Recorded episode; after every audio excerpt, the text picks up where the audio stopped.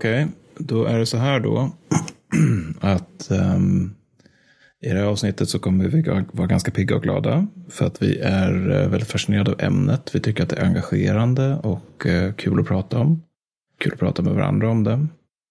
Men det här blir väl då avsnittets påminnelse om att krig verkligen är piss, att krig suger. En av dem vi intervjuade till vårt senaste Ukraina-avsnitt, vilket jag vill minnas blir avsnitt 133, den som gick under pseudonymen Swede, vi fick reda på att han stupade under striderna mot rysk trupp i Ukraina, östra Ukraina i veckan, ja, förra veckan då. um,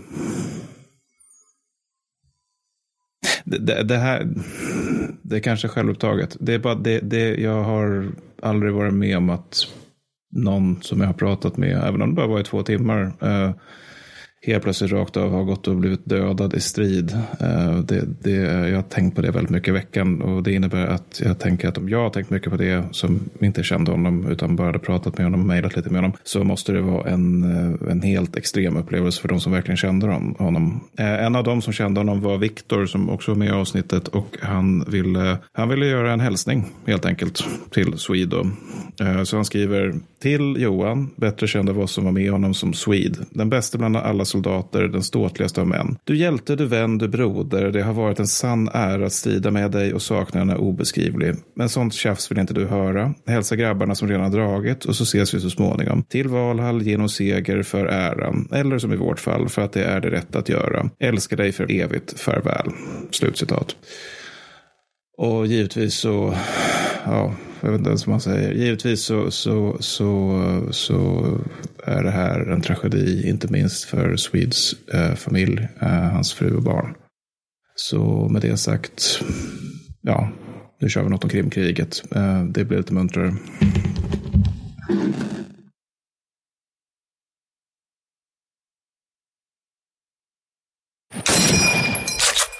You'll take my life, but I'll take yours too. You fire I'll run you through. So when you're waiting for the next attack, you better stand, there's no turning back.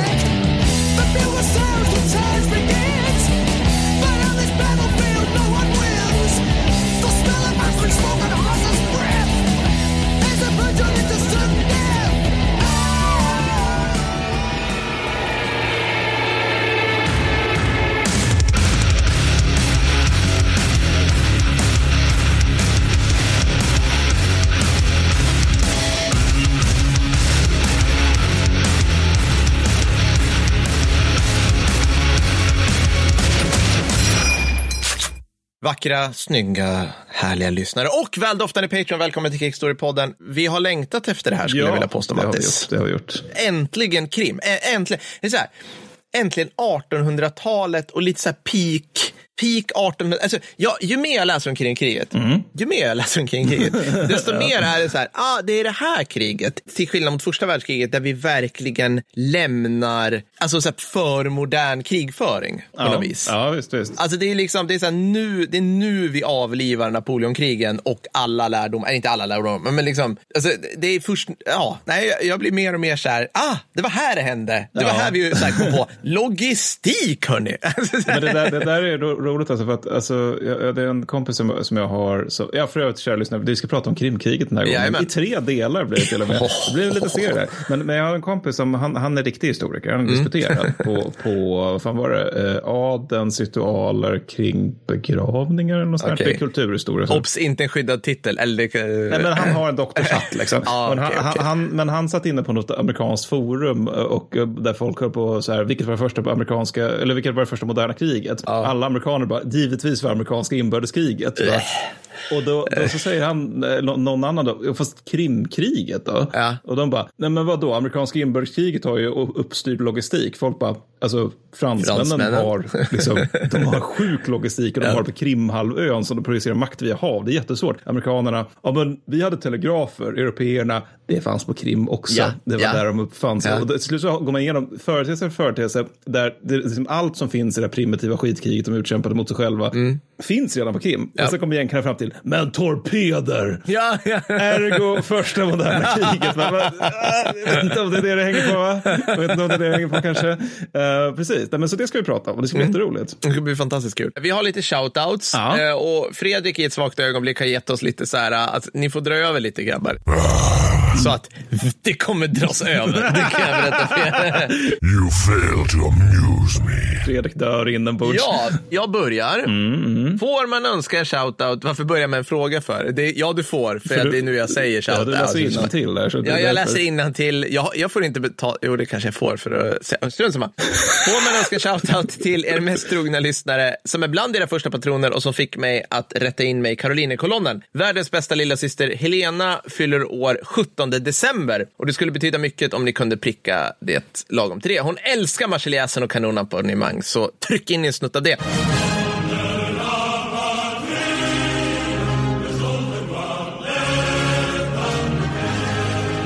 Hälsningar storebrorsan Johan Hedin. Roligt, Johan är en kompis, Helena gick jag i samma klass i gymnasiet med. Så att det här är, alltså så här, vänskapskorruption fungerar i den här podden. jag är ledsen att säga Ja, det. Men skönt liksom, att höra. Det, det, ja, men så här, det- mina barn gillar att leka med hans barn, du vet, då, då ser jag till, ja men såklart. Det skulle bli lite stelt annars kanske. Då, Ja, men det, ja, men liksom, Ja. nu kommer den där shoutout. Ah, just det. Ah, ja, ja.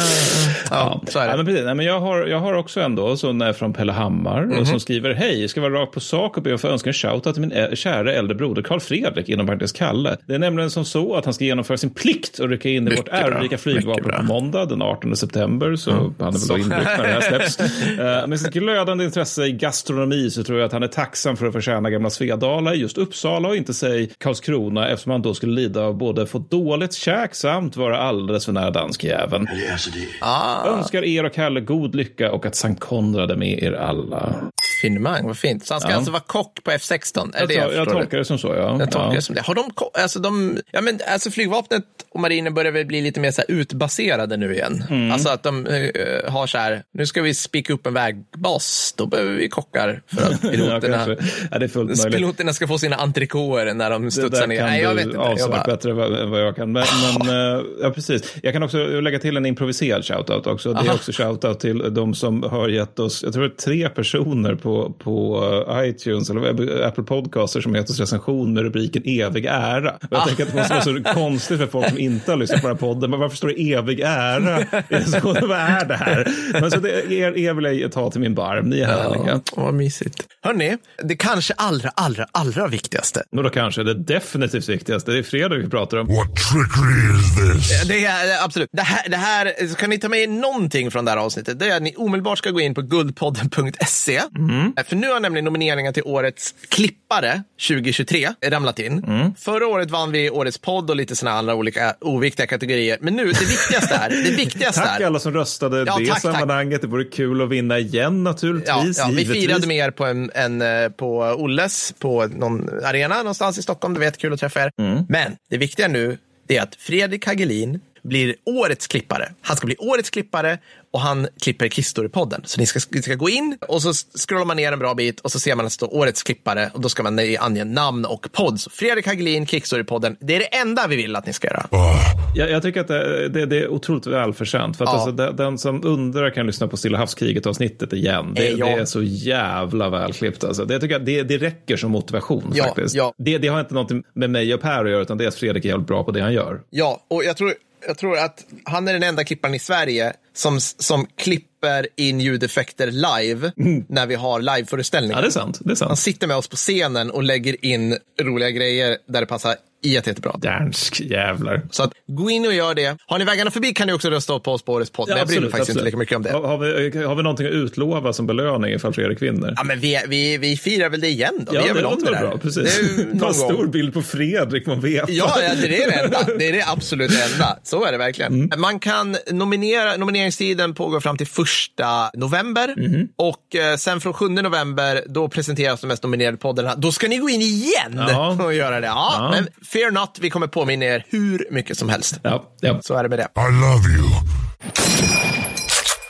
Men med det sagt ska vi prata lite krimkrig. Jajamensan, det ska vi göra. Och som vi kommer lägga upp det här då, det är att det här första avsnittet av den här se- serien på tre delar så kommer Mm. vi gå igenom eh, varför det blir krig och sen så kommer vi gå igenom de olika aktörerna och sen så kommer vi komma till, liksom, det kommer vara lite pang-pang i den här podden, men, men det stora pang-pang kommer vara i del två del tre av den Mm. här, den här lilla serien då. Och eh, jag har då någon form av försvarstal som inleder det här manuset där det står varför prata om det här? Ja, ja. ja, ja. Jag har väl redan börjat med det här att det är första moderna kriget. Det, det är väl KHPs eh, officiella Ja, hållning men det nu, tycker va? Att Ja, vi men det- tycker det, faktiskt det att det tycker är det. Mm. Fast det vore kul om vi kunde hitta något så här mycket mer hipster som att du vet, något så här litet gränskrig mellan någon norditaliensk stat och Frankrike Ja. där man använder telegrafer, logistik, stora förband. Alltså, Pansarbåtar, torpeder, helikoptrar, men, samverkande vapen. Ja, men- Helt bortglömt. Det skulle inte förvåna mig. Vi, vi Nej, kollar nej. upp det här. För, ja, Ja, nej, ja, precis. men, men, men tentativt så är det det första moderna kriget. Mm. Men det också är liksom att det här är det enda storkriget i Europa mellan Napoleonkrigen och första världskriget. Ja. Det här kanske den vakna lyssnaren hajar till lite grann med tyska enhetskrigen. Ja. Jo, absolut, men de, det är inte, alltså i det här i Krimkriget samtliga stormakter är alltså indirekt eller direkt inblandade Ja. på ett sätt som inte är i tyska enhetskrigen. Nej. Och det har också kallats för ett oavslutat världskrig. Alltså Ja. lite grann som att om det inte tar slut när det tar slut, då finns det en liten risk att USA går med på Rysslands sida. Our American way of life. Vodka. Att det här är en rolig tid. Ratatatatatatat. Nej, men exakt. ja, men då att öst, öst, österrikarna, svenskarna också så här, liksom, vi, vi är lite, mm, kanske kan vara lite intressanta där med att slåss mot ryssarna. Ja, och det sker ju på, alltså Krimkriget utspelar sig på mycket fler platser än vad man tror. Ja, ja, ja. Liksom, det är det, finns det en som- Stilla havsfront i det här Ja, kriget. ja, precis. Det finns en Östersjöfront och den är viktig för Sverige. Ja, ja vi, Den vi kommer, kommer du få gå igenom i Ja, avsnitt tre, ja. eller tredje delen av det. Men och sen så är det naturligtvis väldigt, väldigt trattigt, vilket passar oss. Mm. Ja. Och det är också samtidigt typ det bortglömda kriget, för det är jättestort. Ja. Det är liksom hundratusentals dör i det här kriget. Men liksom, det, det är, ingen vet någonting överhuvudtaget om Krimkriget utöver att lätta brigaden red chock Ja. ja. klag. Va? Och det är liksom så här, ja men det är så här 600 förluster per sida. Det, det, är, så, det är skärmytsling i den här konflikten. Alltså det, det är jätte, jättelite, men det är typ det som är känt. Det är för att britterna har målat tavlor av det. Ja, ser, ja, alltså, ja. Det är så tunt. Alltså, Ja. det, det, det, vi kommer till det också i, i andra avsnitt. Ja, andra. Men, ja, men det, dels det och dels Tennysons förvisso väldigt episka dikter Mm. som Iron Maiden gjorde en jävligt bra tolkning av i praktiken via The Trooper. Men med det, så så att det, det är liksom hipster och det är trattigt. Ja. Liksom, vad är mer KP än det? Men då så, då kör vi då. Krigets orsaker, grunden för det hela, det är vad britterna kallar för the Eastern question. Alltså, det, är så, det var så mycket bättre tid när man hade sköna så här, koncept för stora Alltså, så här, och det är så roligt också, britterna, det här lilla öriket, Ja. de tyckte ju att de hade, alltså så här, we have the eastern, co- hur ska vi göra med den östra halvan av jordklotet? Precis så. Ja. Ja, för vid den här tiden så är ju britterna Galactus i alla Ja, praktiska ja, hänseenden. De bara precis. äter i sig stora delar av Ja. världen. Ja, men exakt. Ja, men, eh, exakt så. Och det är också väldigt lätt att tänka sig liksom hur någon sitter där och liksom, med sherryn i handen där liksom, och på något kabinett någonstans. Och du vet, det är, så här, det är fyra pers som Ja, ja, får ja. bestämma imperiets utrikespolitik. Ja. Och eh, de- är, de är gärna släkt med varandra. Det är Ja, ja, ja. någons kusin. Absolut, absolut. Lord, eh, Lord John of liksom. Porridge, Earl någonting.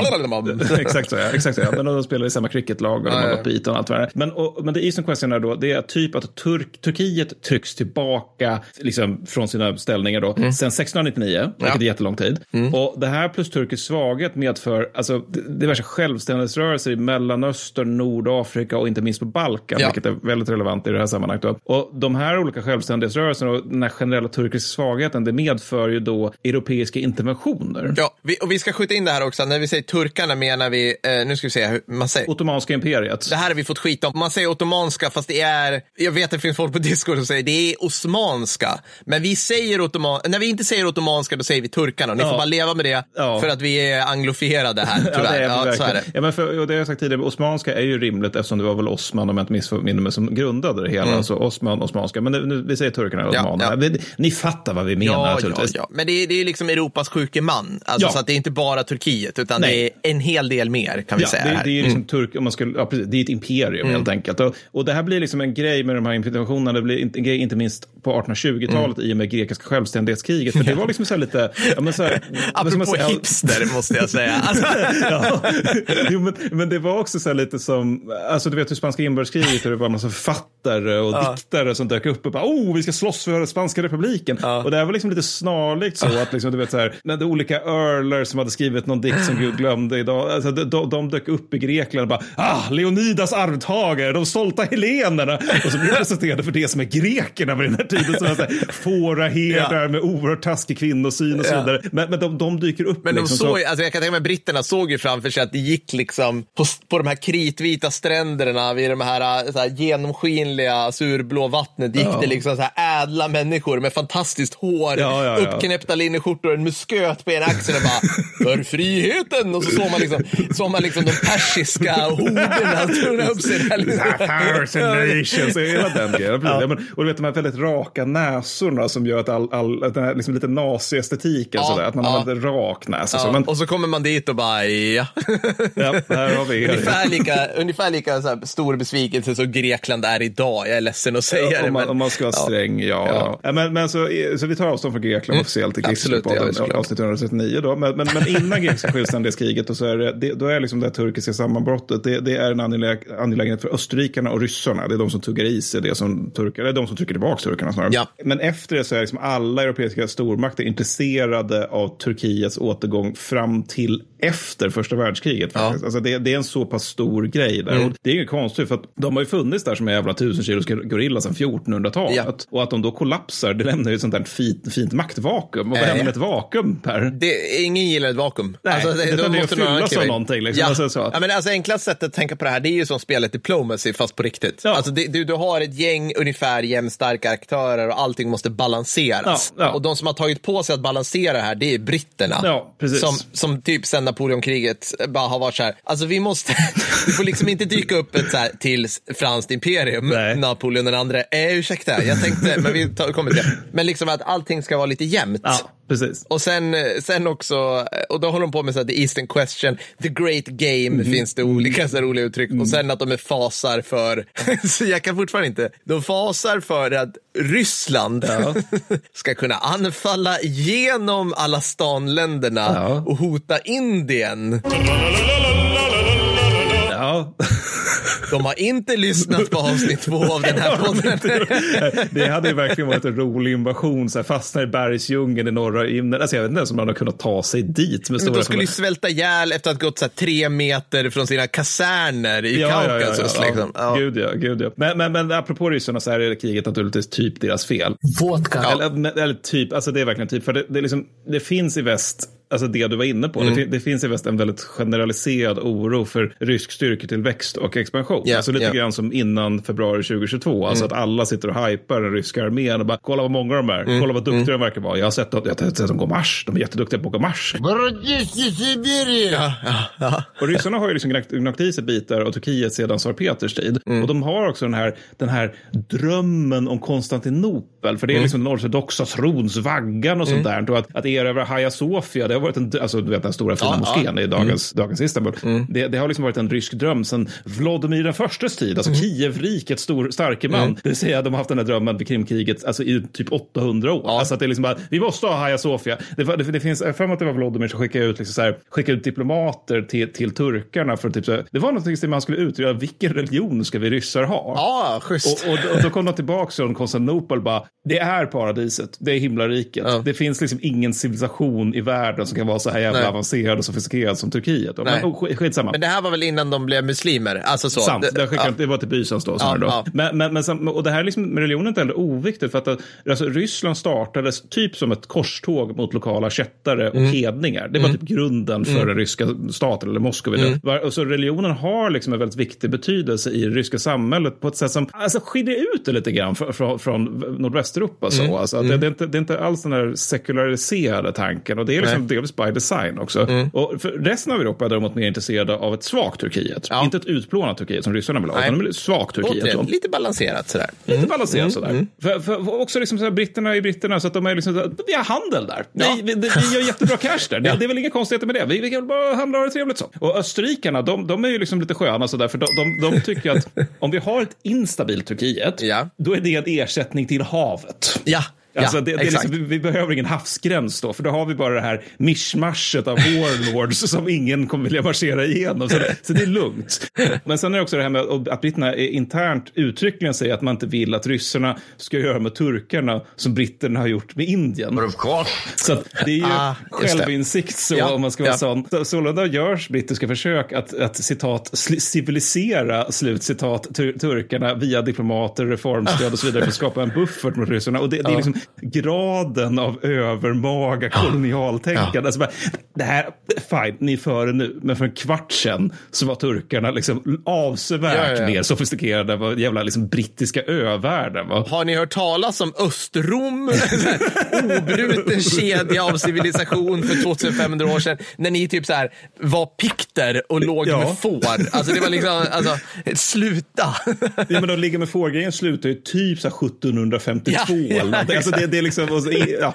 men, men sen finns det också den här religiösa faktorn som är värd att återkomma till. För ryssarna har tillsett att, att de ortodoxa kommit att dominera allt mer i Palestina. Ja, mm, just det. Palestina är ju en del av Ottomanska imperiet vid den här tiden. Och det, här, det är här någonstans den här tidens kabinettskrigstänkande blir härligt. För att det här ogillas av preussarna och fransmännen. Då. Ja. Mm. Och, och graden av småaktighet, alltså att de, de är jättearga på varandra över typ vem som ska ha rätt att bära nycklarna till vilken helig plats. Ja, ja, alltså om det är en ja. katolik eller om det är en ortodox, rysk ortodox. Alltså, och det, det, jag kan inte, alltså, I mitt sekulära seende kan jag inte tänka mig något mindre oviktigt Nej. att liksom vara upprörd över. Men det är för att du inte, för att vi är extrema Mattis i World Value Ja, jo, Service. jo, vi bryr oss väldigt jo. lite om sådär. Ja, mm, mm. Jo, det, det är vi förvisso. Men, men det här, jag tror inte... Ja, skitsamma. Nej. Men, men alltså, fransmännen då, de, de lyckas då vara lite sneaky, för de lyckas få sultanen av Konstantinopel Ja. att ge katoliker breda rättigheter i hela landet. De Ja. Kontrar de här ryska framstötarna då. Och resultat ett, det är rysk folklig upprördhet där bönderna ute med högafflar och skriker Mm. mm. vi hatar Frankrike. Resultat två, det är tsar Nikolaj börjar kalla Napoleon den tredje för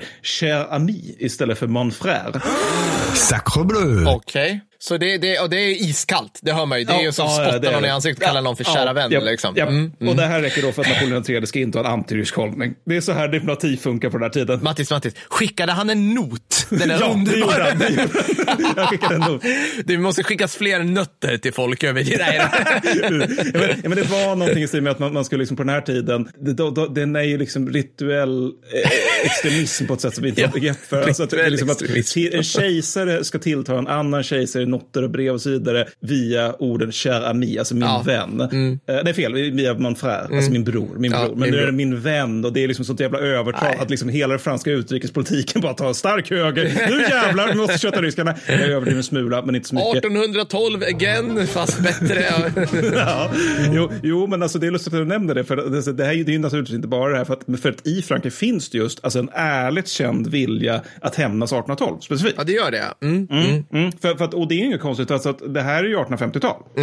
Det är ju levande minne. 1812 är ju Ja, levande visst, minne. alltså, ja, ja, visst, vi visst. har ju alltså, de har ju fortfarande veteraner från det klasterfacket som är liksom så här, jag har inga fötter längre, Nej, men jag bajonettade nej. en jävla massa ryssar på vägen till och från Moskva. Liksom. Folk, alltså det är. Vi måste bara säga, folk lever nu som minns nej. Praise the Emperor and strike down Ah, ah, det, det är coolt.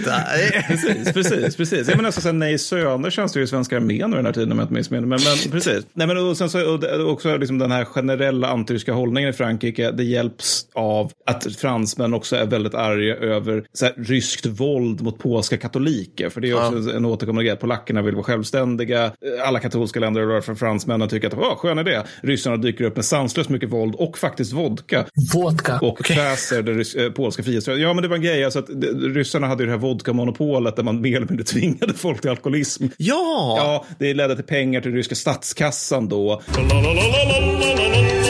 Ja. Så att då var det bra om folk söp och då blev det en motståndshandling bland polska katoliker att inte dricka. Varvid tsarens hemliga polis bara dök upp med vodka och häller i folk då för att ja, ni ska samma. Alltså, det är helt vansinnigt. där. Men ja, men sen så har vi nästa faktor där. Jag säger att det är många faktorer. Det är ganska komplicerat där för Ja, den lyssnaren det som inte är det. med. Absolut. Och det är då när vi förstendömena Per. Ja, gud. Alltså, jag vet inte var jag ska börja. Vänta, ta nu. Okej, Donau är ju då en flod som går vart då? Mattis? Ja, det går oss- alltså Balkan, det är alltså Donaumonarkin. Du har ju Just det, liksom- just det. Ja, Buda och pest och där, den går igenom hela där. det grejen Okej, okej. ja. Donau-furstendömena, check. Ja, Ja. och där, där har vi liksom då att turkarna och ryssarna inte är överens om de två Donau-furstendömena, Valakiet och Moldavien, som, som givetvis inte har någonting att säga till Nej, i frågan, nej, för det här nej. är återigen den stora fina balansen. När hade Moldavien senast något att säga till om? Alltså, det, absolut aldrig. aldrig. Det är nej. inte något idag kan jag säga. Då kan Nej. man ju tänka sig hur mobbade Transnistrien är. Där Ja. det är det är inte ens er, erkända som ett eget land. Nej. Men och, de här då, sedan 1829, autonoma från Mm. Turkiet, men under ryskt beskydd, fast under turkisk övervakning. För det är så här diplomati fungerar på den här tiden. Det det. Ja. Det här kallas för territorier, för, man orkar inte bena ut det här. Liksom. Jag vill också just det där stormaktspolitiken. Det bara, ja, det finns små folk också. Ja, Ja. intressant. Gör som vi säger nu för fan. Ja. Och för i klartext, för att göra det här lite mindre invecklat, så betyder det att båda går in med trupp när civila reser sig för självständighet Ja. och sånt där. Ja. Men det är praktiken ryssarna som bestämmer. Och ryssarna vill att bland annat de och Bulgarien ska bli helt självständiga från Turkiet. Jaha. Och med självständighet menas typ rysk annektering, i varje fall av Donau och Furstendömena. Ja, För att de, de, alltså de har den här långsiktiga ambitionen om att de ska ha en öppen marschväg till Konstantinopel. Liksom, de bara liksom, ja men vi kan basera trupp här och sen har vi lite enklare att komma igenom det här Ja. sjukdomskärret som är Balkan vid den här tiden innan vi når Konstantinopel. Men man vill väl liksom, eh, alltså om jag var ry- ryssarna så skulle vi liksom vilja gå igenom alla semesterorterna genom Bulgarien. Du vet, så Ja. Sunny Beach som alla åkte till, till 00-talet och fick klamydia. Ja, ex- ja, ja, där, där vill man ju gå. Alltså Jo, så. precis, men jag, tror, jag har Mm. för mig att det här är typ ett träsk vid den här tiden. Ah, alltså, okej. det, är liksom, det, du får klamydia och malaria. Alltså det, det är liksom bara gräsligt där. Men, men så för, att- för att fixa till det här då, så, så det här är ju en ganska de, delikat situation, Mm. så, så skickar ryssarna då först Alexander Sergejevich Menshikov, som kommer att återkomma i nästa Mm. avsnitt, och som taktlöst ber sultanen att liksom få allt ovan, det vill säga vi vill ha Donau-furstendömena tack. Ja. Kan, vi, kan Bulgarien också få bli helt självständigt tack? Och sen vill, vill de också att, att de ortodoxa ska få dominera de heliga platserna i Palestina. Ja. Och så vill de också att Turkiet, i alla, eller Ottomanska imperiet, i alla praktiska hänseenden ska bli en rysk satellitstat. Okej, det är rätt höga krav. Kan turkarna acceptera det här? Per? alltså, kan någon acceptera det här? Så nej. nej, nej. Alltså, Nej. Turkarna kan inte acceptera det, men det kan liksom inte säga Paris och London Nej, heller. För det nej. skulle ju vara så här, oj, eh, Ryssland levlade just till level 10. Alltså, Ja. det, det, liksom, det, det går inte att ha den typen av styrkor. Alltså, på den här tiden så, så börjar de ju bråka om så här, du vet, små gränsförändringar. Mm. Alltså, det, det är liksom det här att, ja men Turkiet, ni ska, det är som vi är en vasall till Ryssland, Mm. det ska, kan ingen gå med på. Det låter som att tsaren vill ha slaggis. Ja, alltså, och, precis. Och, och han, vi kommer komma till det. Men, men ja, precis. Grejen är att han, han, det är lite av en rysk klassiker kan man säga. Han gör en mild underskattning av västvärlden skulle man kunna säga. Ah. Det, det finns en del moderna paralleller. I, Ry- För ingenting förändras någonsin, någonsin Mm. nej, i Ryssland. nej. Men, men så, så att eftersom ingen kan, turkarna inte accepterar de här kraven då så går rysk, rysk trupp över floden Prut och in Mm. i furstendömena då för att skipa tsarens vilja den 2 juli 1853. Mm. Och sen följer det månader av dina älskade noter då. Ah. Och det, ser, det, ser, det ser ut liksom som att kriget kanske går att undvika. Fredens duva ska breda ut sig över Europa. Men det faller dock på att ett, sultan, sultanen vill ha ändringar i språket på en not. Ja. Vilket tsaren vägrar för att Ja. han är ett jävla barn och Ja. föredrar krig. Två, nationalistisk religiös hysteri i Turkiet kräver krig mot Ryssland. Alltså det, det är en massa Ah. imamer som är ute och skriker, eller mullor snarare, som är ute och skriker om att nu, nu är det fan dags att liksom sluta vika sig för ryssjävlarna. Vi, måste, vi måste göra någonting här. Liksom. Mm. Återigen ett modernt krig Ja, i den mån att liksom, populasen är hyfsat insatt vad som händer. Ja, visst, visst. Och att det inte det är inte heller bara religionen som får dem att komma igång, utan, utan även nationalismen. En, Som uppfanns för typ fem minuter sedan. Liksom. Ja, men exakt. Alltså, Precis, för det, det är en modern rörelse, helt klart. Och sen, sen, sen tredje, nummer tre då, det är att turkarna anar att, att, alltså, att man kan nog få med, vi kan nog få med väst på krig mot ryssarna och därmed vända de här århundradena av, av förluster mot Ja. ryssarna. De förstår att Ja. vi kan liksom inte fixa det helt själva, men får vi med väst, mm, kanske inte så farligt ändå. Så turkarna förklarar krig den 4 oktober 1853. Och så här långt har vi liksom ett krig mellan Turkiet och Ryssland. Det, Ja. det finns det liksom otaliga. Och det, det, det är typ så här, du vet, wiki-lista på så här, det 17 turkisk-ryska kriget. Alltså det är ingenting nytt i, i världen. Så. Det här är en tisdag. Ja, liksom, det är ju det. ungefär. Det är, Ja. det, är det. Mm. Och, men, men, sen, men det som gör att det här blir liksom något form av litet världskrig snarare än, än bara det här lokaliserade, vi slåss om Balkankriget, det är Sinope. S- Vad heter det? Sinope, Sinope, Sinope. Sin- Ja, så, ja. Vad är det? Ja, det är ju då en hamn, eller så en stad med en hamn som, som till, till, tillhör Turkiet. Då. Ah, okej. Vart ligger den? Det här lägger vi ut en karta på sen. Men jag bara säger det nu. Jag vet inte, Du får berätta för mig. Nu ska vi se här, det ligger i Svarta havet, så mycket Ja, okej, säga. ja, ja. Nej, men, och, ryssarna gör någonting som är liksom helt legitim krigshandling, dessutom helt rationellt utifrån, liksom, vi slåss, det är Ja, krig. ja, det är så. krig. Mm. Det är att De skickar sin flotta till eh, Sinape och där sänker de typ liksom, turkiska flottan och sänker svinmånga turkiska Mm. avse- äh, fartyg. Och då är ju seger. Härligt! Jag ser framför mig att de är typ jonker eller alltså latinseglande små, nej, jag förlåt.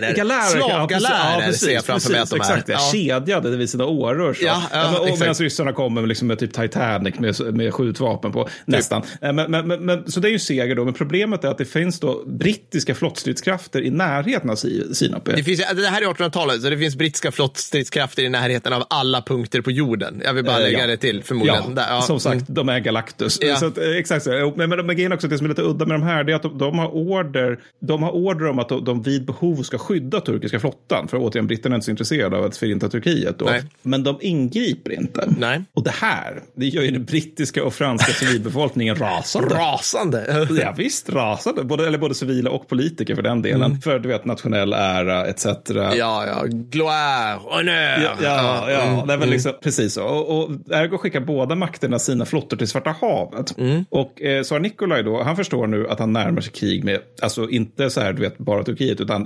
västvärlden Ja. med Ja. V. Alltså Ja. det, det, det är just det att det är både Frankrike och Storbritannien, det, för det, det är de som är västvärlden vid den här Ja, tiden. I alltså- övrigt finns det så här liksom, lite centraleuropeiska furstendömen, det här är de som bara, vi delar upp världen Precis. mellan Det, oss. fin, det finns något så här u-land bortom Pyrenéerna, men det vet vi inte. Vad, liksom, Italien kommer vi till, men ja. mm, Ja, ja. ja, precis. Men det exakt, Spanien befinner sig i någon form av fritt fall som de befunnit sig i sedan 1500-talet. Ja, ja, alltså det, det är liksom inte, Preussen är på väg. Men alltså, Sverige går vi runt med klädda i pälsar, ja, nej, men så vidare. Nej, men, ja. och, sen, och samtidigt är det ju så att Preussen och Österrike är han ju nominellt allierad med hela Ja. alliansen och det kan vi också återkomma till. Men oavsett, Nikolaj tycker att det här är helt jävla lugnt. Mm. Orsak ett, väst är svagt och dekadent. Se där historiska paralleller.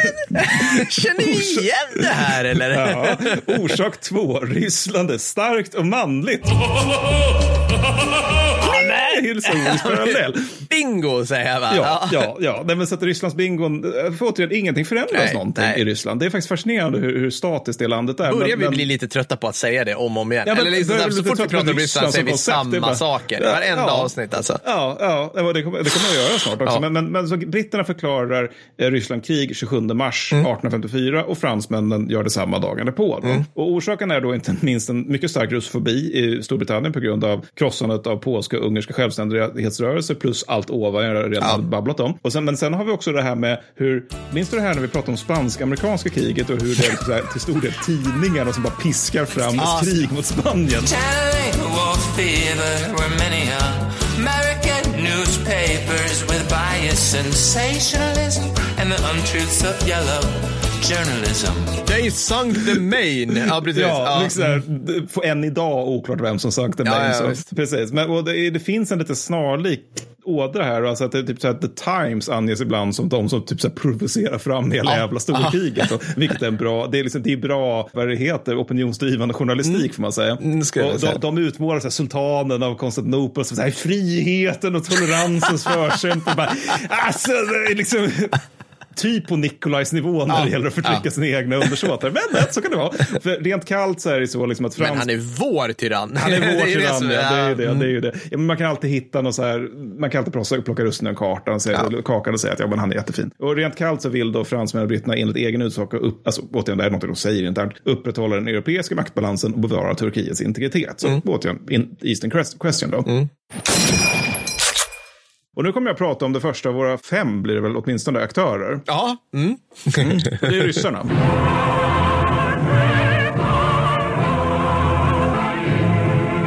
det är ryssarna. Mm. Vi börjar med det mest loliga. Nästan. Ja, men det här kommer bli spännande. Ja, eller alltså det vore Ska vi bara spännande. lägga vodka och sen går vi vidare? Eller? Ja, alltså, vi skulle också kunna lägga liksom bara så här, avsnitt två. Alltså, kan du klippa in avsnitt två här?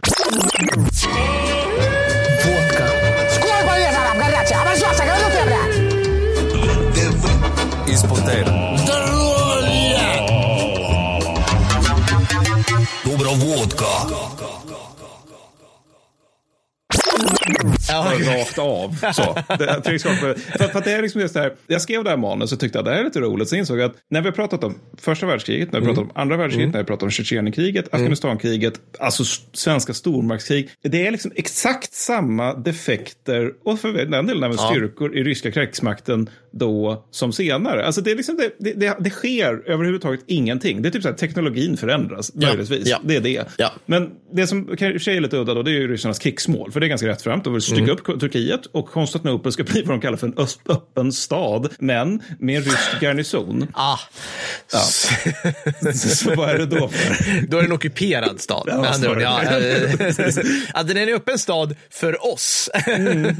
Ni andra kan komma på besök, men det är vi de som har vapen i den här staden. Så. Och Nikolaj, han nämner aldrig internt det här med trosfrågan då. Så det har tolkats som en del som att det här bara var någonting som han använde för att piska upp bönderna till hysteri då. Men samtidigt så har han också Alltså en livslång dröm om Konstantinopel. Det, det är liksom någonting han har haft i bakhuvudet under hela livet. Att det vore ju svinnice om vi kunde få den ortodoxa trons vaggan tillbaka till oss. Eller det är aldrig tillfallet då, men ja, du fattar. Tredje Rom, annat trams. Och det uppstyckade Turkiet ska man sen liksom frikostigt dela ut till alla som vill ha.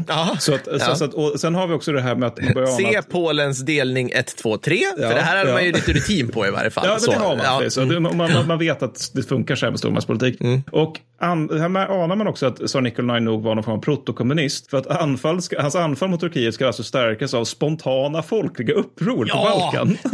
Steg två i operationsplanen. Invänta spontana folkliga uppror. Vi kommer med 70 000 man och sen så vet vi att 80 000 bönder med höga Ja, ja, ja. kommer dyka upp och ha stridsvärde. Alltså det, det, det, det, är liksom, det, fungerar, jag tror aldrig det här fungerar faktiskt. Och han berättar det här då, alltså hela planen inklusive folkliga uppror, uppror för Österrike. Jaha.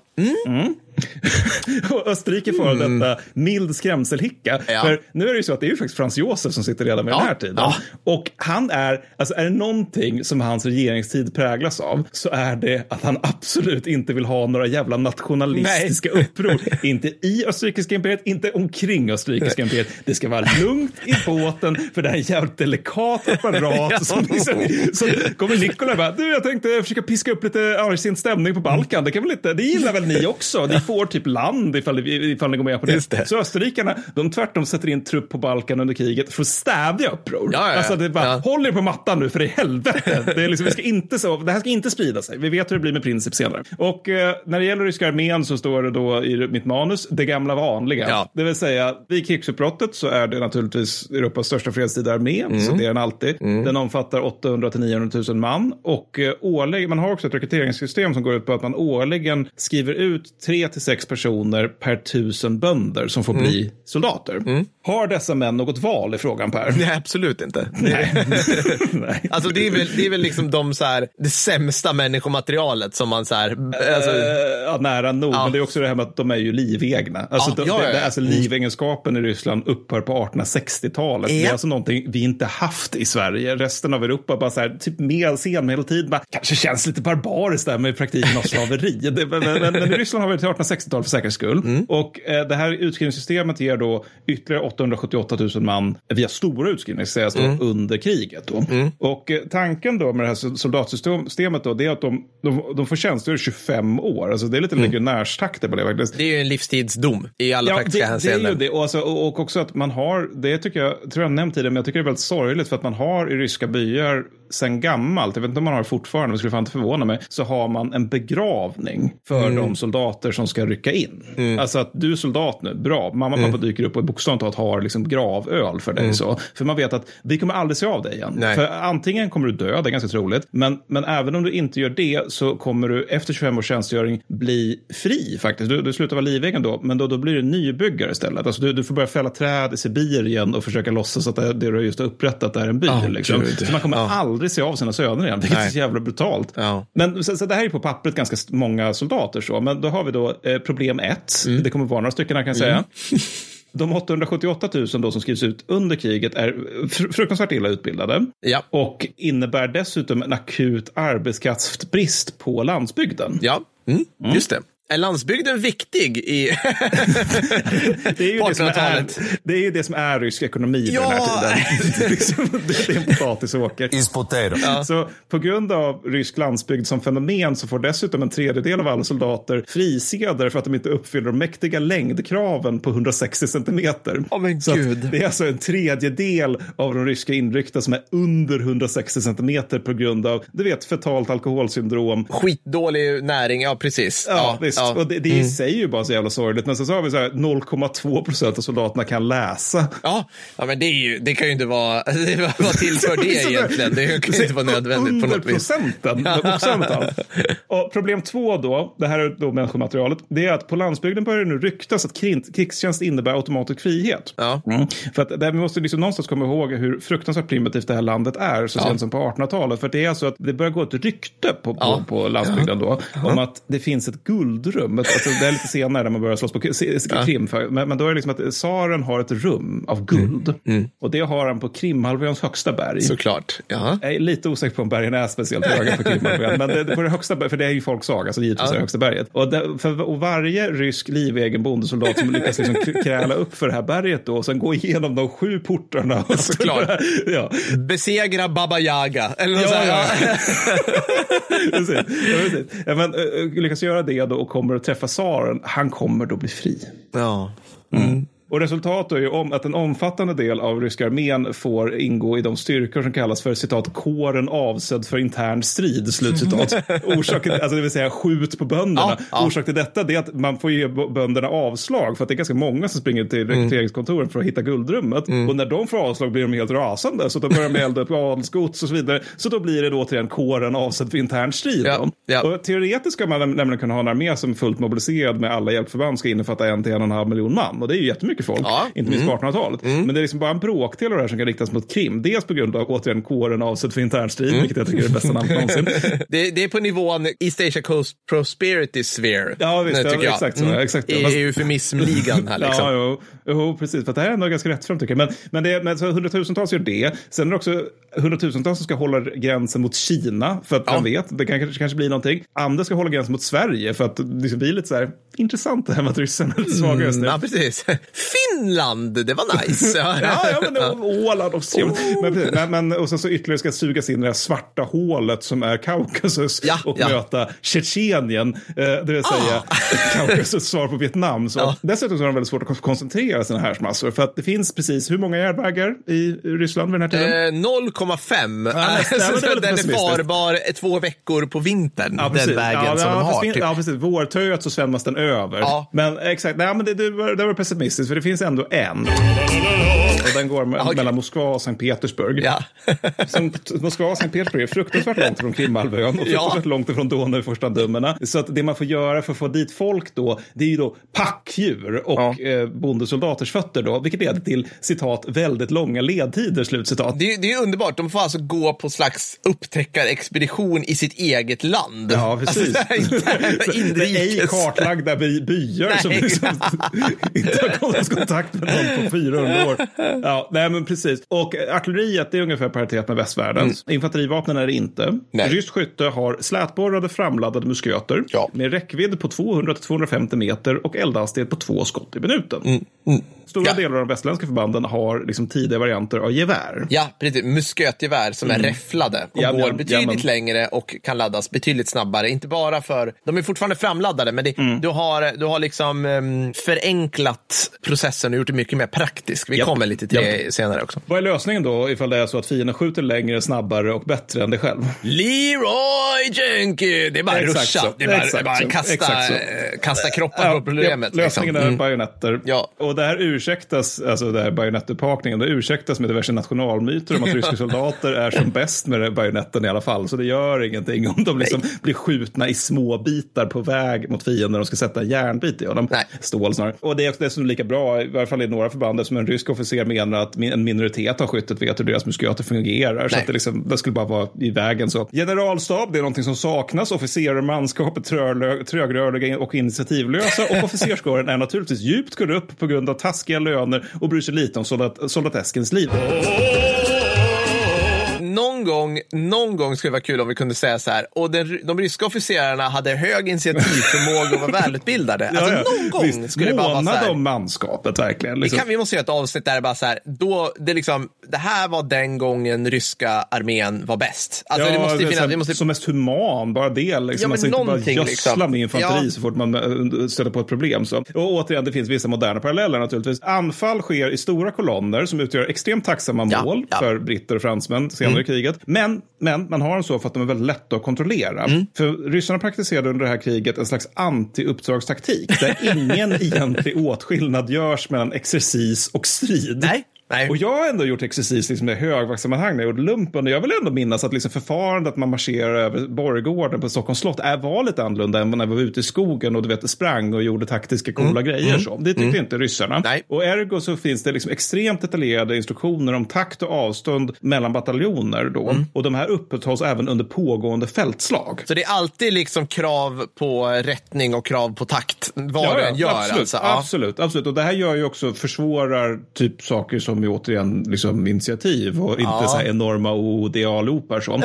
Logistiken, vet du vad den består av Per? Eh, det du råkar ha i fickorna när du blir tvångsutskriven från din by gissar jag Ja, på. här typ, bara, typ. liksom. Alltså Ja. det, det, det är bondesoldaternas know-how till Ja, stor del. ja, ja, alltså så här, vi har en kille här som han är smed. Ja. Han, han kan liksom lösa det här med att våra hästars skor har gått sönder. Ja. Alltså, det, han kan sno lite stål någonstans från så kan han göra nya skor. Det, är liksom, så det, är liksom på regementsnivå. Man får typ liksom så här skaka fram de som vet någonting överhuvudtaget. Mm. Och övrigt är det typ plundring. Sen slutligen då, det finns också en rysk flotta och den är stor, men, men den gömmer sig mest i hamn under kriget. Mm. Alltså den stora insatsen den gör är slaget till Sina på 1853 Mm. som är viktigt för att provocera fransmän och britterna till krig. Så det, det är det ryska flottan Ja, lyckas med. Och nu är det din tur, för du ska pre- pre- presentera något oerhört konstigt. Ja, precis. Innan vi ramlar till, till, till liksom ära och trattighet ska vi prata om, och det här är helt ba balur. Alltså, detta, det här avsnittet och Krimkriget generellt är verkligen så en ding-ding-värld. Ja. Liksom. Så här, okay? det, det, är oftast, så här, det är oftast rätt låg, lågt hängande frukt att vi hånar britter, för det förtjänar de i nästan till alla krig de utkämpar. All of you will be damned. Ja, Ja, ja. men det jag nu ska gö- göra, Mattis, Ja. det jag nu ska göra kanske det har hänt kanske en gång tidigare i krigshistoriepoddens historia. Så fatta pennan Ja, och anteckna ja, nu alla ja, där ja, hemma. ja. Ja. Italien, ehm, jag måste, alltså jag måste säga långsamt. Italien skickade kompetenta förband till Krimkriget.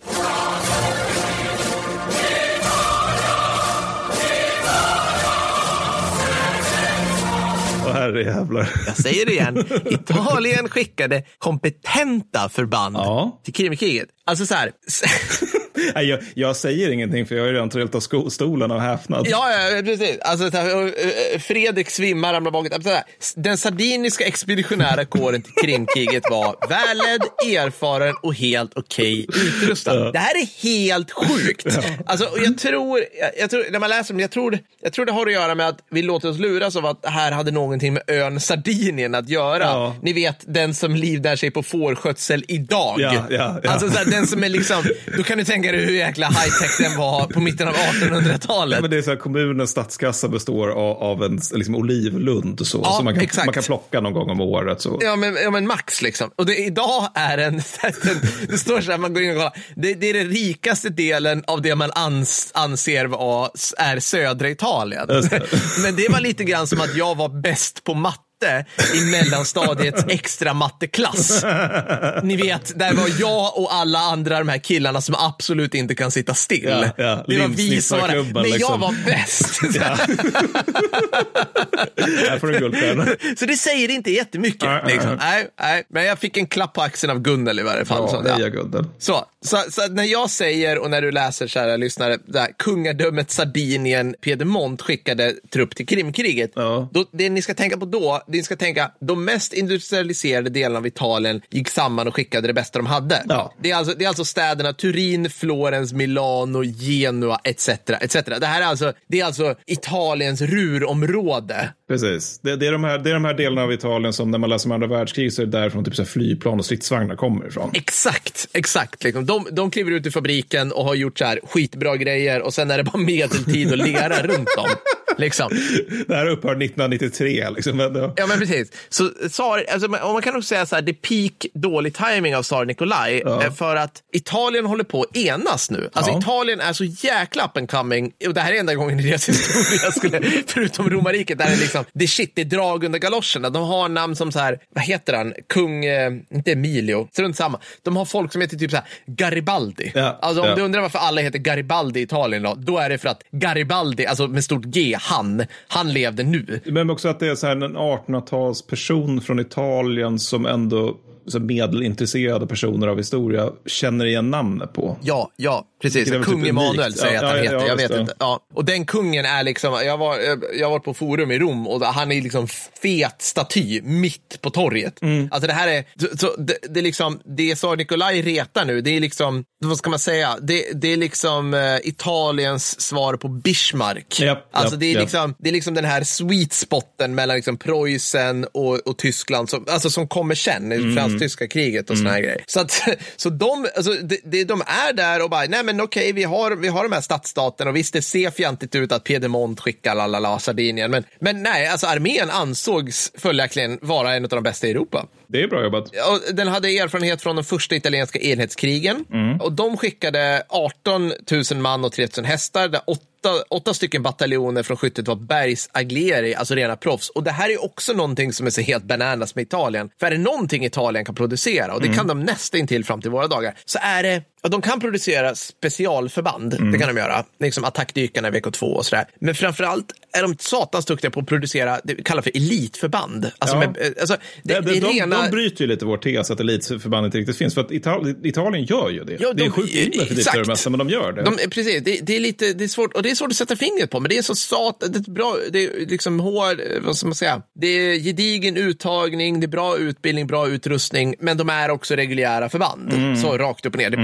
bataljoner och reg- brigader. Men Jag kan, inte, jag kan tänka på är de här um, nepaleserna? Gurkas. Ja. Gurkas, Ja. typ åt det hållet. Så ja, de har bergsartilleri och som, som vidare, och det här är temat för resten av det här avsnittet, alltså artilleriingenjörstrupperna, de är bra. Ja, de är ja. liksom proffs och bra officerare rakt igenom. Så ja, de dyker upp och bara är, bara tjena! Vi är Ciao! rutade. Eller säger inte Olla? också det är typ första, gången, första och sista gången i italiensk krigshistoria där soldater skickas någonstans och också är motiverade. Ja, visst, visst. Och de skickar, det här ska jag också säga, varför bryr sig Ja, det, det är en intressant fråga. Ja. några kommuner i Italien om det här? Liksom?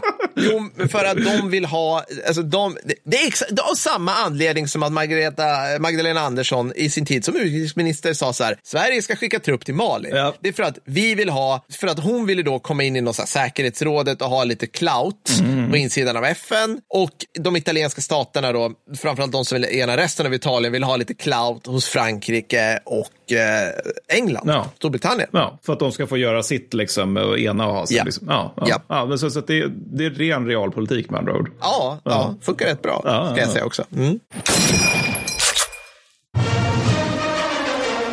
Underbara lyssnare, Gösta Earl of Sandwich, Eighth Baron, säljer nu sin kaptensfullmakt för att köpa upp sig till major. I fullmakten, som gäller en post vid 11 Sussex Rifles, ingår en hörna i den lokala puben, tre tunnor whisky, fyra höns och en sabel. Gösta trycker på att ingen förväntar sig att du, kära lyssnare, ska ett, kunna något som helst om militära spörsmål, eller två, ens dyka upp på regementet. Mattis har redan gjort karriär och blivit löjtnant inom ett obskyrt skotskt kavalleriregemente. Är det gött med en häst i trädgården, Mattis? Jajamän. Ja, ni hör. Bli en liten men ineffektiv del i något stort och inkompetent nu.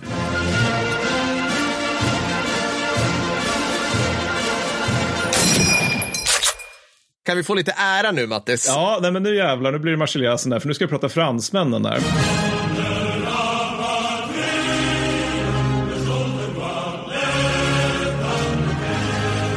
Yes! Krigsmålen, Ja. det är ju det här lite roliga då att alltså, fransmännen är ganska ointresserade av Eastern Question. De, de bara, det där är någonting ni håller på med i London. Ja, vi är ja. mer intresserade av att liksom spätta upp typ Nordafrika. Så. Det vill vi ha på sikt resten. Men däremot så är de väldigt intresserade av att bryta 1815 års ordning. För den här är ju liksom, alltså de har ju alltså, sina stora fredsavtal 1815. Ja. Men då passar man ju då också på att skapa den här stora, stora balansen i Europa. Mm. Den här Metternichska konserten. Liksom, där liksom någon, någon genialisk dirigent ska bara diktera hur Europa ska styras. Liksom. Gärna från London som vi var inne på här. Liksom. Mm. Ja, eller, eller Metternich tänkte sig nog från Wien. Men absolut. Mm. absolut. Nej, men, men, men absolut, från London är ju givetvis så det blir då. Mm. Och för den här, men den här grejen att det är så man har gjort sedan 1815, men det är också att den här ordningen är ju liksom, den är ju riktad mot Frankrike. Ja, För, precis. för att liksom, hela Europa är lite så här, ni, alltså, när ni får för er grejer Ja. och ni har en jävla Napoleon vid makten, då helt plötsligt står det liksom vid Moskva och Ja. allt bak väster om den armén är franskt och vi kan, liksom, det krävs typ det, fem koalitionskrig för att besegra er. Ja, ja, men så, så man tittar på, man, alltså under första halvan av 1800-talet tittar man på Frankrike som alla länder tittade på Tyskland Ja, under kalla exakt kriget så, lite exakt. grann. Så här, ska vi verkligen återupprätta Bundeswehr? alltså, Exakt så. Och också, också de här debatterna som var liksom på, efter murens fall, där det faktiskt ändå var rätt många som var så här, är det en skön idé att Öst och Västtyskland blir ett land igen? Ja. För vi vet ju hur det har varit tidigare. Ja. och Så. Exakt, och det är också innan VK1 så är också det man pratar om då, det är inte som vi gör idag naturligtvis då, att, att det, liksom, det kan komma en ny Hitler. Nej. Det kan Nej. komma en ny Hitler och liksom att, du vet man gör de här jämförelserna, Donald Trump är Hitler. Trust me, I'm like a smart person. ja, Liksom, Ulf Kristersson är Hitler, Ja, Magdalena Andersson är Hitler, ja. Ja. men du vet, liksom den maktfullkomlig galning som Ja. bara ska lägga, lägga världen under sig. Det är, inte, det är naturligtvis inte Hitler som är den personen då, utan det är snarare pratar man bonapartism innan VK1. Alltså Mm. att man är orolig för just den här typen av genialisk men också hänsynslös person Mm. som bara ska spränga hela jävla världen omkring sig. Så när det då är, blir så att Louis Napoleon upplöser, jag tror det är den andra franska republiken och kröner sig själv till kejsare under andra imperiet. Varning, varning! Ja, alltså Europa kände liksom svetten och ångesten. Bara, eh, hur många miljoner döda var det vi hade senaste gången det här hände?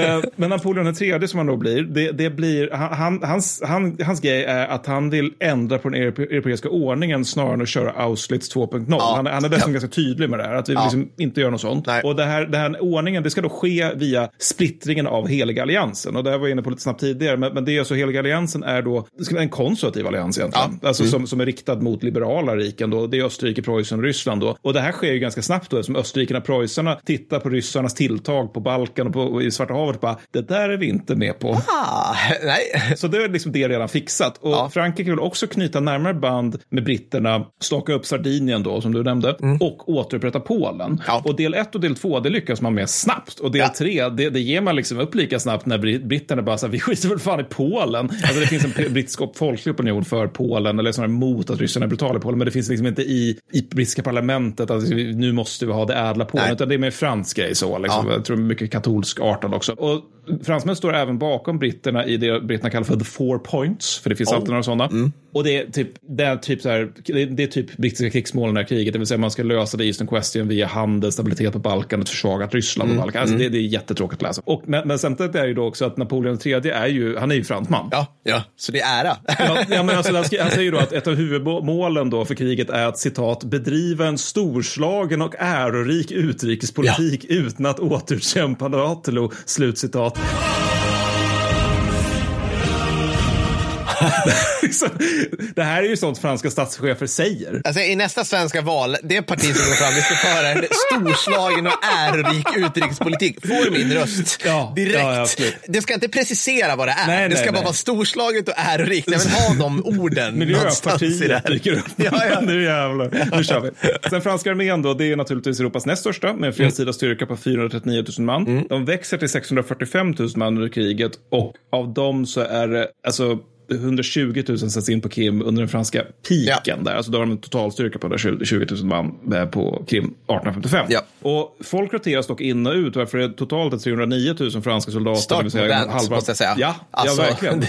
det, det, vi återkommer till det. Mm. Eh, som tjänstgör på Krim under hela kriget. Så det är halva armén åker in och ut Mm. ur, ur Krimköttkvarnen. Då. Och på pappret så är det en värnpliktsarmé, men i praktiken så är det inte riktigt det. För att det är, liksom, det är bara fattiga som inte har råd med att köpa sig en ersättningssoldat. Så. Ja, alltså som okej. man gjorde i Sydvietnam förut. Ja. Och soldaterna tjänstgör då i sex år. Mm. Och officerarna de tas till stor del från skyttet. Och det, har, det är liksom både bra och dåligt. För det dåliga det är ju liksom att skrivkunnighet och teoretisk bildning det är något som i det första fallet haltar, i det andra fallet inte är något man har tid för. Alltid. Nej. Nej. Men samtidigt fördel också är att man tar från skyttet. Okej, men Pierre känner skyttesluskar Mm. när han kommenderar. Ja, men så här, truppföringen är nog jäkligt on point, tror jag. Den är nog jäkligt bra och det är också att Mm. de, de, de, de vet liksom vad det innebär att vara skytteslusk. Det Mm. kommer inte vara den här, liksom, det, kommer, inte- det, finns inga, det kommer inte vara den här Haig som sitter på något chateau någonstans. Oh, tally ho, yippity dap and zing zang spilly. ska han för ett kompani, ut- utan de, de vet att det är jobbet att vara i, i liksom en löpgrav och Mm. bli beskjuten. Och trots också diverse, de, de här defekterna som jag har tagit upp, för det är ändå olika former av defekter, Mm. så är det tveklöst krigets bästa armé. Och orsaken är mycket enkel. De har en omfattande krigserfarenhet från Al- Algeriet. Och det är Ja. så här krig som i och för sig muterar delvis över till folkmord, men så kan det väl vara. Det är 1800-talet. Och det här gäller från alltså, yngsta skytteslusk upp till de flesta generaler. Alltså Algeriet har varit någonting som de bara skickat troops till.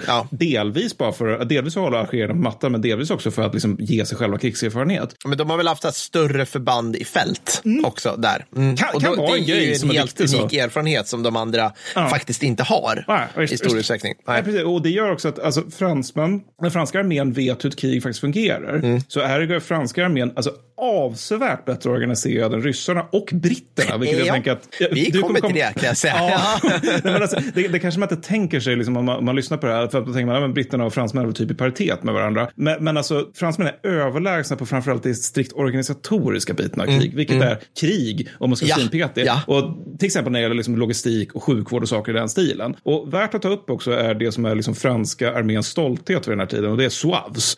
och det är liksom lätt infanteri som är en slags, det är inte specialförband men det är mer som en slags prototyp till jägarförband. För att alltså, de, de, de ska göra just den typ- typen av du vet, lätt infanteri, alltså det coola lätta infanteriets uppgifter. Ja, det, det, och det är inte riktigt skirmishers heller. Nej, nej, riktigt. är inte. Utan, nej, för de, de, ska, de ska kunna liksom, alltså, vi, vi kommer komma till med slaget vid Alma, vilket kommer till nästa avsnitt, då är det att de bland annat bestiger liksom extremt höga klippor, saker i den stilen. Alltså vet, du vet point och under de har, de har beats. Alltså saker i den stilen ska de kunna göra. Och ursprungligen är det här bara al algeriska stamkrigare som fransmännen har rekryterat, men till Krimkriget så Det, finns det är hashtag toughness säkert. Ja, det är alltså, fan det, det det är bara... Mat, vad är det för någonting? Jag har hört talas om det, men det är ingenting jag behöver. Men, men, och så till Krimkrigets utbrott finns det tre Suave-regementen. Och fjärde upprättas under kriget och de består då av fransmän och pied de noirs, alltså Ja. fransmän som är födda i Algeriet. Och det, det intressanta är att de gör så jävla bra ifrån sig att efter Krimkriget så kommer alla att upprätta egna Suave-regementen. Alltså det Ja. finns Suave-regementen i amerikanska inbördeskrig. Ja. Vilket är, men men de, het, de heter ju liksom Bill, Joe, Billy Bob och saker i den stilen. We're Suavs! Suavs! I want to be in the Suav regiment! Påvestaten har ett eget Suave-förband som är typ så här 54 pers. Men det är ju underbart. Det är ungefär som att, som att efter något krig någon gång, sjuårskriget, så skulle alla länder ha typ så här polska cuirassiärer. Ja, ja. Alltså de här ving, Ja, ja, ja. vingarna. Ja, alltså ja, så ja. här, tungt. Alltså, Alla, alla bara, these are Polish riders. Jag tror fortfarande det är så att typ de som står, alltså britterna som står utanför Buckingham Palace, att det är så här, det, det är liksom en polsk Jaha. mössa eller något sånt. Alltså det, är- ja, det var superinne. Just det, jag har glömt vad den heter. Men Det går, det, det ja, går mm, mm. mode, det går Ja, det gör det, trender det gör det i krig och försvarsmakter. Det är roligt Det är tycker roligt. jag. Det Att det vi- är fortfarande människor som Fan, bara borde gör vi det. fan ha ett avsnitt om uniformsmode. Drönare är så jäkla inne! Förlåt, det, det finns poänger med drönare. Ja, Sorry, jo, det gör det. Ja, ja, nej, men, och sen infanteriet har musköter, gevärsmusköter, då, men, och, vilket då ger ju naturligtvis överlägsen räckvidd, precision och så vidare visavi Mm. ryssarna. Franska flottan, den är mindre än britternas, men är på många sätt bättre. Den är väldigt innovativ, så att de är till exempel först med Ironclad-fartyg, vilket de sätter in, uppfinner och sätter in under Krimkriget. Då. Mm. Och de har därtill ett bättre ersättningssystem än britterna, vilket ger bättre sjömän. Mm. För att deras ersättningssystem det består av att man tar direkt från handelsflottan och fiskerinäringen. Mm. Och det här är oavsett om de rekryterade vill eller inte. Mm. Så, är det, så är det i alla flottor fram tills typ andra världskriget känns det som. ja, men skillnaden är att britterna de bryter ju sig in på en pub och säger åt fyllon Ja. där inne, ni är sjömän. Ja, så, ja. så, att, så att fransmän har folk som redan vet vad en båt är för någonting. så är det, Och så det, är det, det vilket stämmer. inte nödvändigtvis gäller brittiska flottan, vilket också är lite kontraintuitivt om man Mm. tänker Britannia Rules Away. Men apropå britterna, varsågod Per, take it away. Ja, tack. Snygg, snygg överlämning där som jag absolut... Jag bara, jag tänkte, vad tänker han säga nu, tänkte jag. Lord.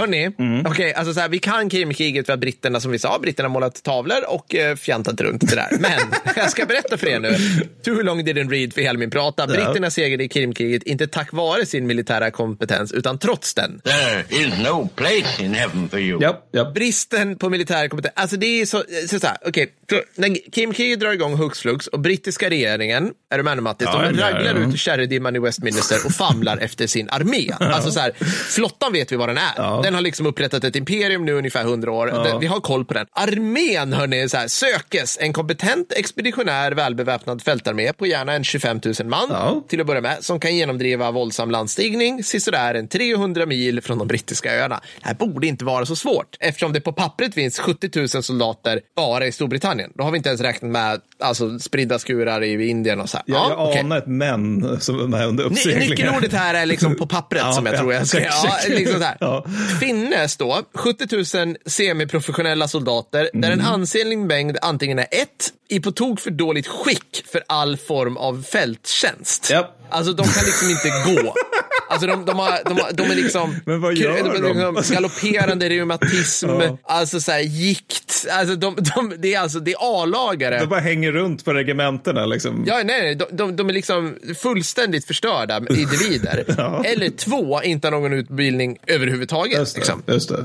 Ja. Våldsam vadå, sa du? Landstigning är det svåraste man kan göra. Nej. Så det är liksom så här, tänk, brittiska armén på den här tiden, tänk kukarmén, Mm. fast istället för så här mysiga parader, musikkårer och choklad, Ja. Så har du galopperande alkoholism, ett utsugningssystem som skulle få de värsta delarna av svenska statarsamhället att rodna, Mm. samt så dåliga baracker att liksom wastage i fred Ja. på kasern är dubbelt så hög Oj. som befolkningen i övrigt. Ja.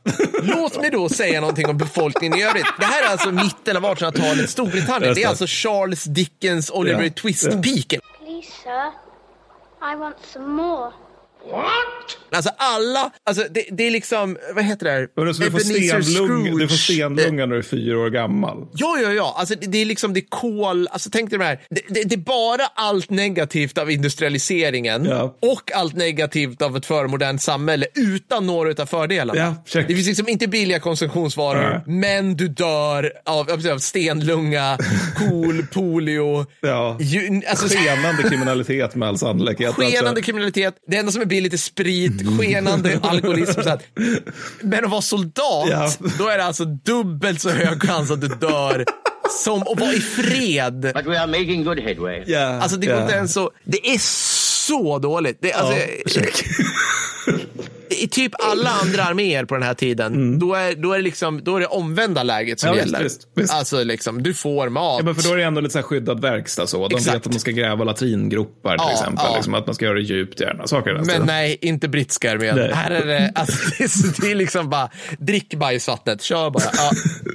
Okej, så äh, det här är det, om vi säger så här, det här är det England som Games Workshop tittade på när de fabulerade fram sina så här grim dark hive worlds. Ja, ja. check. Mm. Ja, check. Ja, mm, ja. yes. Okej, nog om det. Men då, man måste ändå få fram den här armén. För Ja, att då ja. få ihop då 25 000 man av de här 70 000 som man kan göra något med. Vi, vi, förlåt, men jag vill bara säga det. Det är inte så mycket heller med tanke på att det här är ett världsomtäckande imperium. Det är Alltså, det, det, jätte, jättelite. det, det finns ju liksom, de har ju hur mycket terräng som helst. Alltså, de har Ja, visst ja. att de har tagit Afrika, men, men det är liksom ändå, de har ju jättemycket terräng. Så. Ja, ja.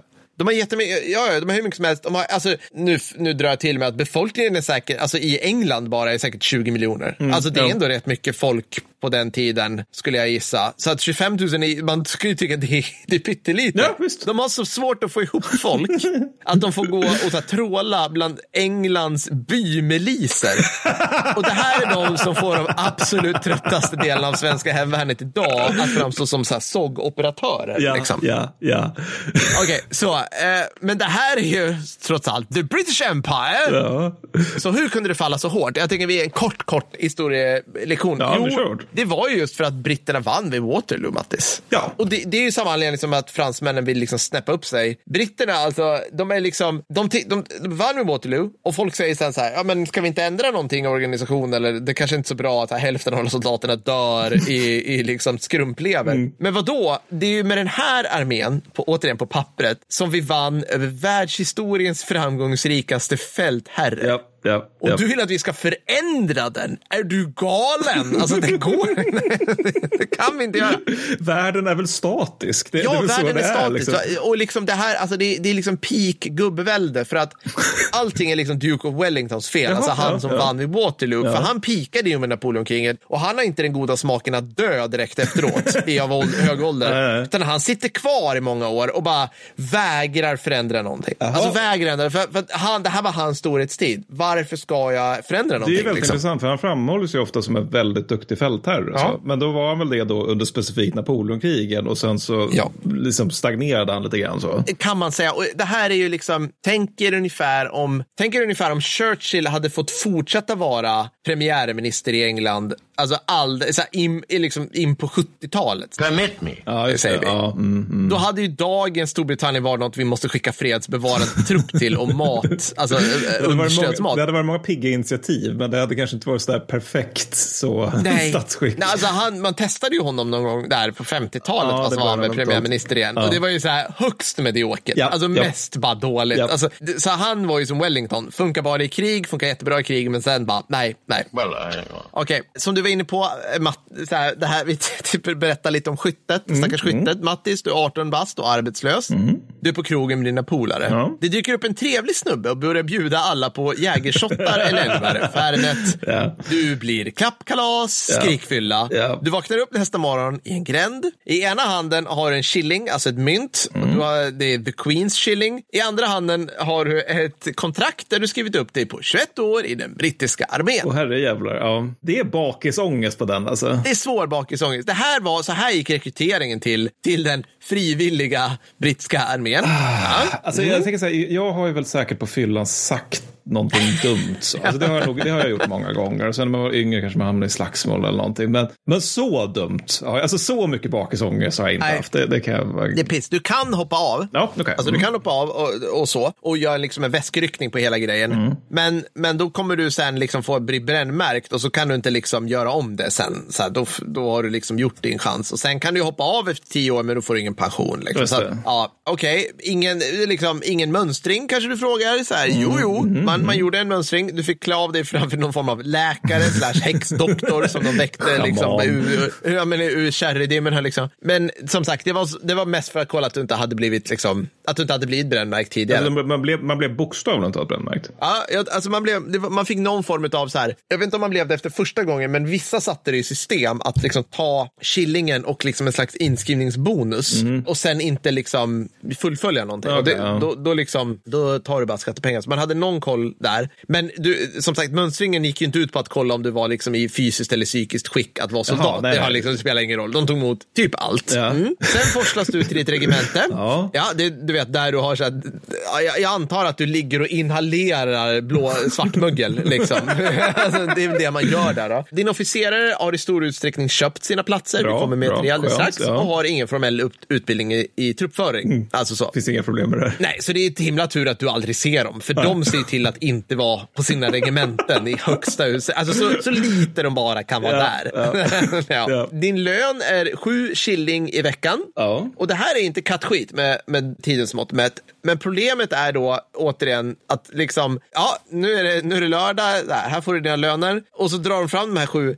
Ja, just det, fast två stycken går ju till maten. Aha. Som du har ätit Oj den här då, veckan. Och, och sen en till, ja du har ju slitage där på din, och där. Och just det, sen måste vi fixa barackerna, det kommer de inte göra. Så då tar vi en till. Mm. Sen drack du ju rätt mycket på, på den lokala puben, så vi tar två där till också. Men här får du en shilling typ över. Så, så att i slutändan är det mer troligt att soldaterna får betala för äran att vara soldater snarare än Ungefär att, så. Ja, exakt. du, du tjänar ingen, alltså det var skit. Och det du väl hade kvar, alla soldaterna då, gick ju då oavkortat till närmast usla bordell och sprit. Så fylla, slagsmål och veneriska sjukdomar var ett rullande problem i alla regementen. Kan vi få höra Rule Britannia?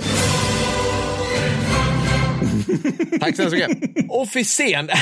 Okej, okay, nu, nu går det ifrån grimdark till det är så här lolligt deppigt på något vis. För att Och upper class Twitter of the years-faktor kanske det. ex- väldigt mycket sånt. Alltså, alltså det här är bara att titta på all, alltså, det här är bara liksom Blackadder i alla tidsåldrar just nu. And that is what is so brilliant about it. Det här med att man kunde, om man var av rätt börd, köpa sig till en officersfullmakt, Mattis. Kan det få några konsekvenser, tror vi nu, när eldkraften och komplexiteten hos arméer tagit ljusårskliv från Napoleonkriget? Logistik innebär att man trollar med knäna, så nej. Nej, absolut inga konsekvenser överhuvudtaget. Alltså det, det, det är liksom, ta bara en sån här sak att Krimkriget var det första krig där man har exploderande granater. Lite av en game changer, Mm. Ja, tycker jag. liksom. ja, det får man ändå ja, säga, ja. Ja, så det, det är det de skjuter på dig nu. Det duger inte med att få benet avsliten av någon eh, järnklump som flyger i 300 meter per sekund. Nej, nej, nej, något annat. Mm. Men i varje fall, inom artilleriet så hade man faktiskt en stridsskola. Oj, ja. Hade man, och man hade två inte möjlighet att köpa sin kommission. Det var ju bra. Då är frågan så här, varför hade just det truppslaget inom bland, bland annat brittiska armén, men de andra också släpats in i den moderna eran? Min tes här, det är att förmodligen fanns det, alltså så här, förmodligen fanns det väldigt lite möjlig, eh, möjligheter för en inavlad ung adelsman att få göra så här galanta och heroiska ryttaranfall i artilleriet. Just det, det, det är ingen ära i det. Det Nej. gör sig inte så bra på tavlor. För, för så var det ju i tsarryska armén under första världskriget. De ville ju, de ville ju adeln till kavalleriet. Liksom. Ja, men exakt så är det i britternas också. Alltså du hade, du hade liksom i hierarkisk ordning, liksom, då var det kavalleriet högst och av, av dem så var det gardes kavalleriregementena som var allra, allra högst. Under kavalleriet så kommer infanteriet och samma sak där, gardesregementen och så vidare. Och så vidare. Och absolut ingen ville till så här, ingenjörstrupperna eller artilleriet Nej. av alla officerare, alla brittiska officerare. Och en gissning är då också då att alltså, härförare, generaler inte tas från ingenjör och artilleristyrkor. You got them right. Ja. Vad bra. Nej, men det, för vad kunde man lära sig av Napoleonkriget, eller Napoleon generellt? Han var artillerist. Ja, ja, yes, Han absolut. gick in i gedigen stridsskola. Ja. Han lärde sig saker. Det hade nog någon effekt på hur bra han var. Jag tror inte det är allt. Jag tror för att han var säkert ett unikum i, alltså, Mm. i genialitet, men fortfarande. Okej, så Men i varje fall, det är ju fortfarande lite ordning på kavalleriet Ja, och infanteriet här. Jajamän. Där kunde man bli likt en gentleman, kliva in på en bra nivå direkt, utan kunskap eller slit befordringsvägen. Skönt. Och det var verkligen störtdyrt. Alltså vi, vi pratar ju en överklass, alltså vi pratar ju Downton Abbey, överklassen eh, liksom upphöjt till 10 här, för det är liksom 1800-talet, det är innan det har börjat gå på dekis. Alltså att, nu ska vi se, det kostar, om du skulle bli Fänrik i ett opopulärt infanteriregemente. Säg, säg att du skulle köpa in dig, förlåt nu, men I21 nyupprättat i Sollefteå. Förmodligen det mest opoppiga infanteriregementet just nu i Sverige. Ja, ja, ja. Det, kostar, det kostar som en, en sämre etta i Sumpan, 1,2 miljoner i dagens mått. mätt. 1,2 miljoner. Det kostar 1,2 miljoner att köpa det till den. Och då är det bara fucking Fenrik. Ja, sen, Mattis, ska du till toppen. Ska du till toppen. Ska du, vill du bli, inte bara en officer, vill du bli chef över ett hästgardesregemente, Mm. gardeshästregemente, Det är fint. Det är väldigt fint. då finns det en gök som under den här tiden la ut, håll i er, 140 miljoner kronor. Jävlar.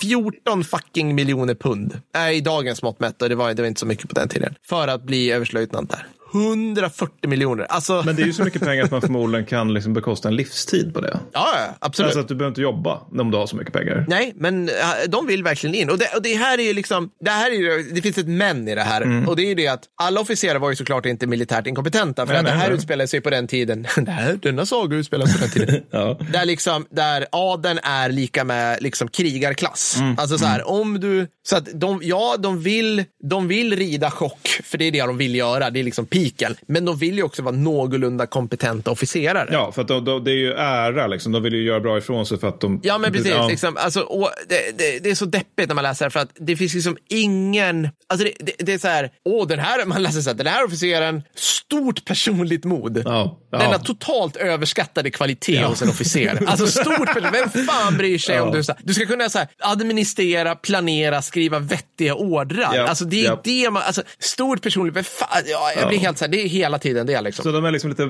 välmenande så? Liksom, alltså att, Exakt, ja. de, är, de är dumma, de är eh, låg kunskapsnivå men välmenande. Så många av de här eh, som jag kommer komma till framförallt andra avsnittet, där jag är så här, det är galopperande inkompetens under hela sin karriär, var så här jättetrevliga mot sitt manskap. Så här, Hörni grabbar, ska vi ut och rida lite så här på eftermiddagen? liksom, inte, med, inte med manskap, men andra officerare. Ja, ja, ja. Förstår vad jag menar? Liksom. De var inte så här, de var inga as att, äh, automatiskt var de inte det. Många var, vissa var det också. Okej, så helt enkelt det här med att man nu skulle stampa fram, inte bara liksom då en armé på 25 000 man, utan också en slags befälsordning, någon form av stab. Det är Ja. något franskt ord som vi inte vill pyssla med. Man improviserade ju fram det här. Ja, ja, ja. Liksom. Ja, ja. Och jag menar, lägg där till att varje regementschef som man då satte in i den här expeditionära kåren var ju extremt osugen på att bli tillsagd någon, någonting av någon. Ja. Och att alla under honom i befälskedjan såg ju liksom hierarkin gå, det är vår regementschef Mm. och han lyder under drottningen. Just det, just det. Just det. Och det, det är det här som är luriga. För att, De, så de, man- de är liksom gjorda för småskalig krigföring? egentligen. Exakt, Ja. exakt. Och, alltså, för alla krig, alltså, Storb- make no mistake, alltså, brittiska armén har utkämpat en hel del krig Mm. från Napoleonkriget till Krim. Men det har varit småskaliga affärer. Där Mm. var liksom the 42nd eh, Royal Irish Foot blir utraderade någonstans i Afrika. Ja, eller något ja, ja. Och då är det såklart en mor- alltså, så här, vad, ja, ja, det var ju, de förlorade, men det var ju en moralisk seger Självfallet, för att vilken ära! Ja, ja, visst. Det blir någon fin bataljmålning där, där man ser styv överläpp. Liksom. Exakt, alltså det här är peak redcoat-tiden. Så det är liksom mycket det här, liksom, ja men vi, vi, vi eh, fyrkant bajonett utåt mot, eh, mot barbarer någonstans i världen. Liksom. Det är ju det de håller på med. It's an ugly business doing one's duty.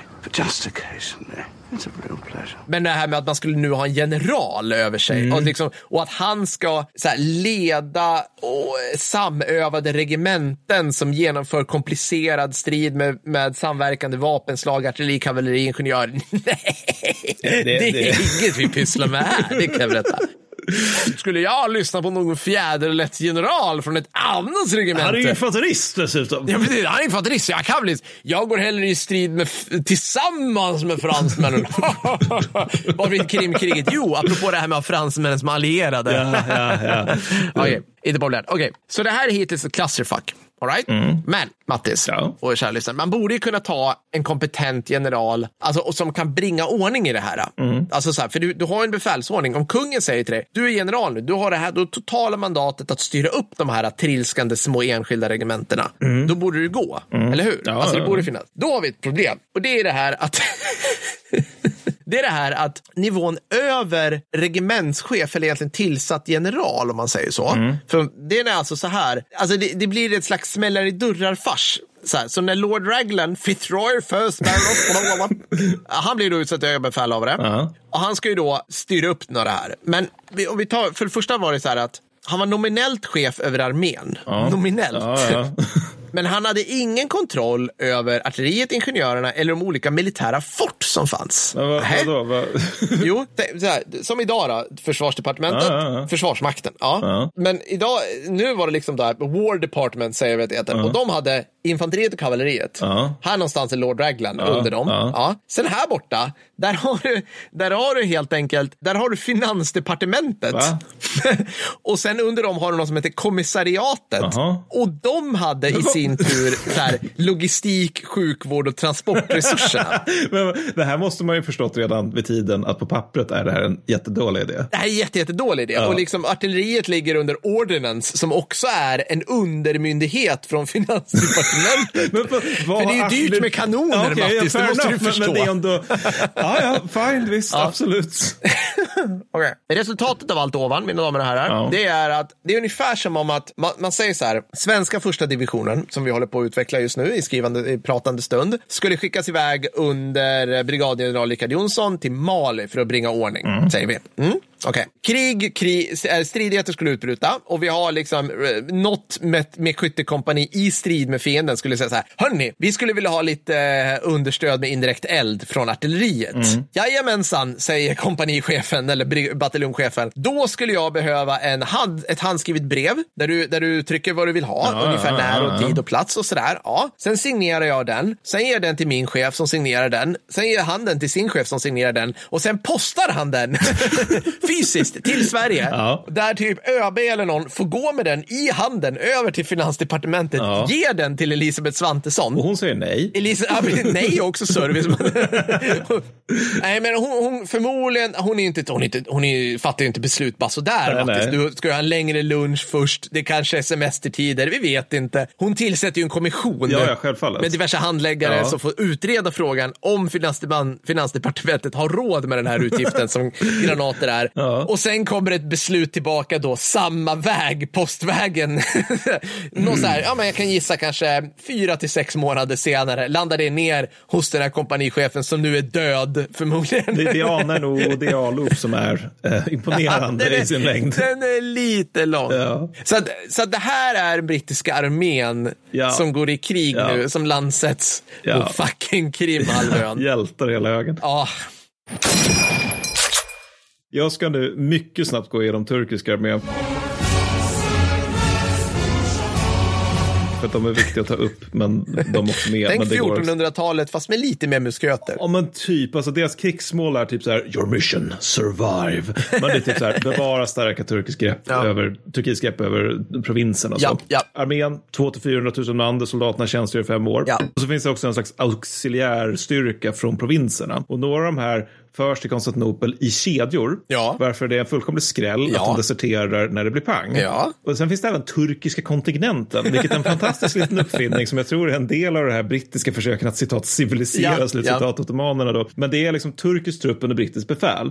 Och de brittiska officerarna då, du har ju nu eh, klargjort att det är högsta tänkbara soldatmaterialet. Och just i det här fallet så tas de inte ens från Storbritannien utan de tar från indiska armén. Ah. Och det här är liksom så här avstjälpningsplats Ja. för imperiets slynglar. Så de liksom antingen, antingen så har de dåliga levvärden eller också har de övertända ungtuppar utan skills. Så. Ja. så det blir lite sådär med turkiska kontinenten. Men alltså, den faktiska turkiska armén som helhet, den har reformerats flera varv och är faktiskt, den är, den är okej. Alltså den, den, är bättre än vad jag tror man tänker sig för. Alltså, det, det är inte så här liksom spridda hopar, utan det, det är liksom ändå en hyfsat modern armé för tiden. Så den, är liksom, den är ganska väldrillad, den är bra på defensiven, väldigt motiverad, liksom, liksom härligt skytte så för att använda sliten term.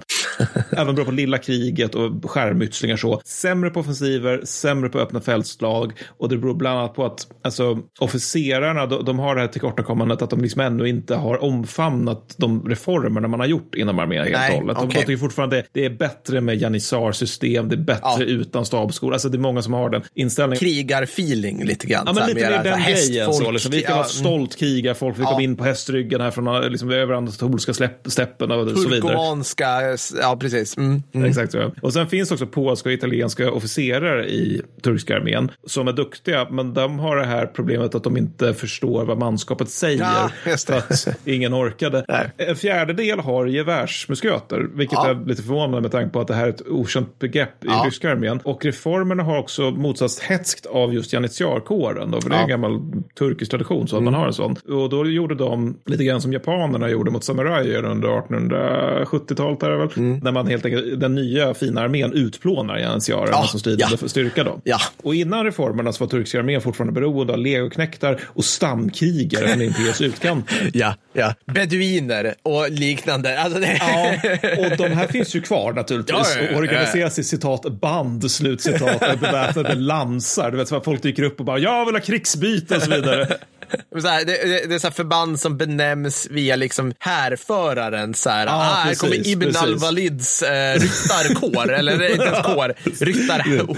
Helt egna fälttecken, helt egna sätt att strida Ja, ja, ja. på. Ja, men de är lite total war fortfarande. Så. Egna språk. Ja, ja, ja. Men, men, men, men samtidigt vid sidan av det här finns det också en reg- reguljär styrka, vilket är det som skiljer sig. Och så ska jag avsluta med en liten bonus här. Ja. Eh, jo, men vi har, vi har det här lilla, lilla landet Mm. som vi alla känner till. Sverige.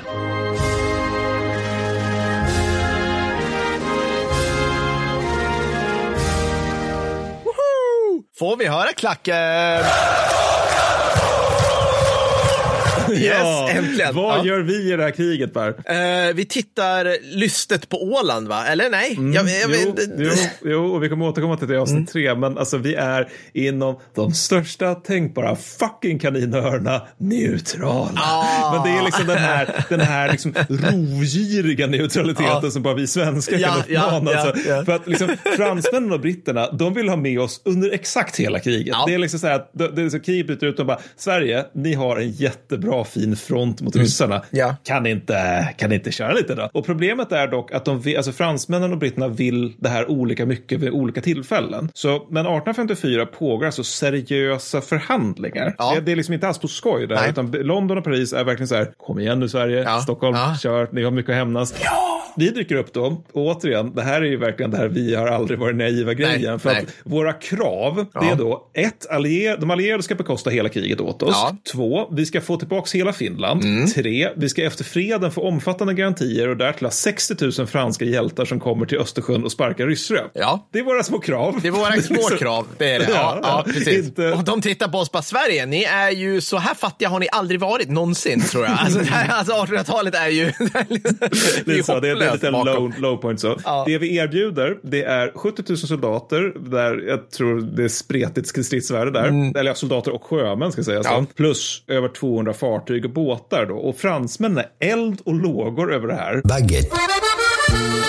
Ja. Men britterna vill inte. Ah. Men sen senare, då är det snarare Lord Palmerston, den elände Lord Pal- Palmerston, som, som faktiskt vill. Men inte riktigt Frankrike. Aj. Så mot slutet av kriget så erbjuds vi Åland. Ja. Och det här tog vi upp i avsnitt kanske 47 eller något sånt där. Men så vi erbjuds Åland och då har, då har ju liksom stämningen i Stockholm kallnat lite grann. För då, innan ville vi ha liksom Finland, ge oss det för helvete. Mm. Ja. Vi minns ju fortfarande att det här, Finland är en naturlig del av Sverige. Ja, ja. Så det är ju levande minne att det försvann. Men så erbjuds vi Åland, men då är det då så att vi är lite så här, alltså kan vi tänka oss att brittiska intressen i Östersjön kanske kommer förändras efter det här kriget? Kan, kan, liksom, finns, det, är, finns det en garanti för att ni kommer finnas här när ryssarna har slickat såren? Och kan vi vara säkra på att ryssarna kommer hålla sig skild Ja. ifall vi tar Åland från Ja, dem? ja, ja. Så vi tackar nej. Ja. Men, men det, det är typ det som är Sveriges krigsinsats. Det är alltså att det, det ändå är, det är en oro i, i Sankt Petersburg att att Sverige Ja. på något sätt ska gå Ja. in i kriget. Och det är också en ganska befogad oro. Ja. Så. Och vi kommer komma till Östersjö krigsskådeplatsen. Det är en bra what if, tycker jag. Ja, ja det, det är det verkligen. Oh.